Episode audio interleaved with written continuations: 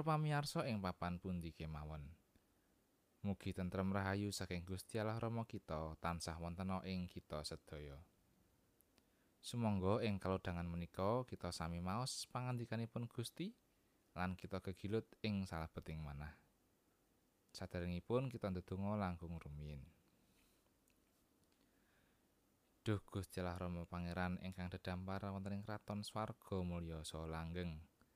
Sowan marek ing ngarsa paduka Duh Rama, abdi paduka ngaturaken ageng panuwun.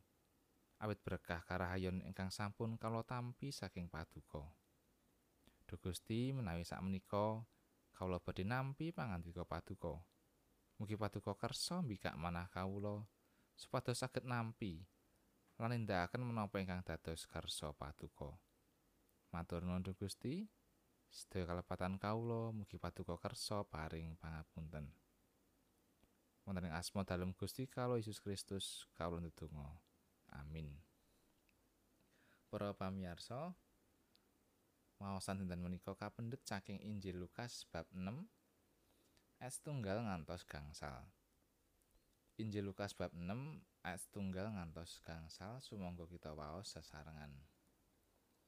Gusti Yesus iku iya gustine dina sabat. Ing sawijining dina pinuju dina sabat.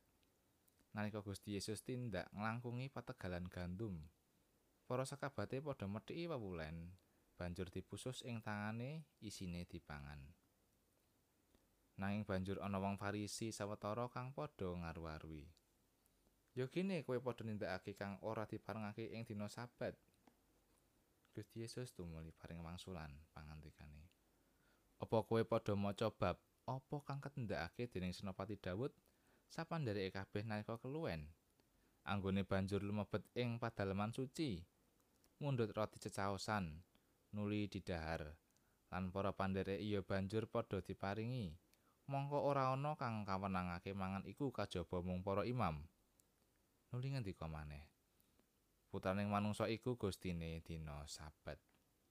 Mekaten pangandikanipun Gusti. Ayat nas kapendhet saking ayat gangsal. Nuli ngendika maneh. Putraning manungsa iku gustine dina sabat. Para sederek, renungan kaparingan ira-iran sabat sih nugrahaning Gusti. Kerapan utawi kaliren menika perkawis ingkang limrah wonten gesang padintenan kita minangka manungsa. Supados mboten kerapan malih lan pikantuk daya kangge nglajengaken pakaryan, manungsa kedah nedha. Kerapan ugi dipun alami dening para muridipun Gusti Yesus nalika semanten.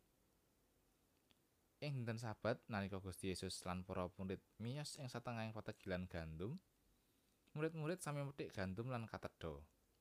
Bab menika lajeng kasumerepan dening sawetawis tiang Farisi. Tiang-tiang menika kados rumaos pikantuk jalaran kangge damel wirangipun Gusti Yesus. Tiang Farisi menika lajeng nyaruwe Gusti Yesus awit ngandelaken kemawon nalika para murid sami methik lan nedha gandum ing dinten Sabat. Kamangka angger-anggering toret boten ngeparengaken tiang nyambut damel. Gusti Yesus nanggapi kanthi ngendika, putraning manungsa iku gustine dina sabat. Pangandikanipun Gusti Yesus menika ngemutaken bilih katersanipun Gusti Allah dhateng manungsa menika linangkung agung. Panjenenganipun maringaken dinten sabat dhateng manungsa sanes manungsa kangge kapentinganing dinten sabat. Kados dene rawuhipun putraning manungsa ingkang minangka kanugrahan saking Gusti Allah kangge manungsa, dinten sabat menika ugi minangka sih nugrahaning Gusti Allah. ingkang pantes katampi kanthi raos syukur. Dinten Sabat mestinipun dadosaken manungsa sangsaya saged ngraosaken suka bingah, boten malah dados momotan ing gesangipun. Pancen dinten Sabat ing perjanjian lami menika dawah ing dinten Setu. Nanging tumrap kita samangke ingkang sinebat Sabat menika dinten Minggu, awit ing dinten Minggu tiang Kristen sami mangeti peparing kanugrahan ageng magepokan kalian wungunipun Gusti Yesus ingkang mratandani kalujenganing manungsa. Lajeng menawi mekaten kados pundi tumrap kita? Menapa dinten Minggu dados momotaning gesang krana kita kedah nyawisaken diri kangge ngucap syukur kanthi mirunggan ing pangibadah Minggu. Amin.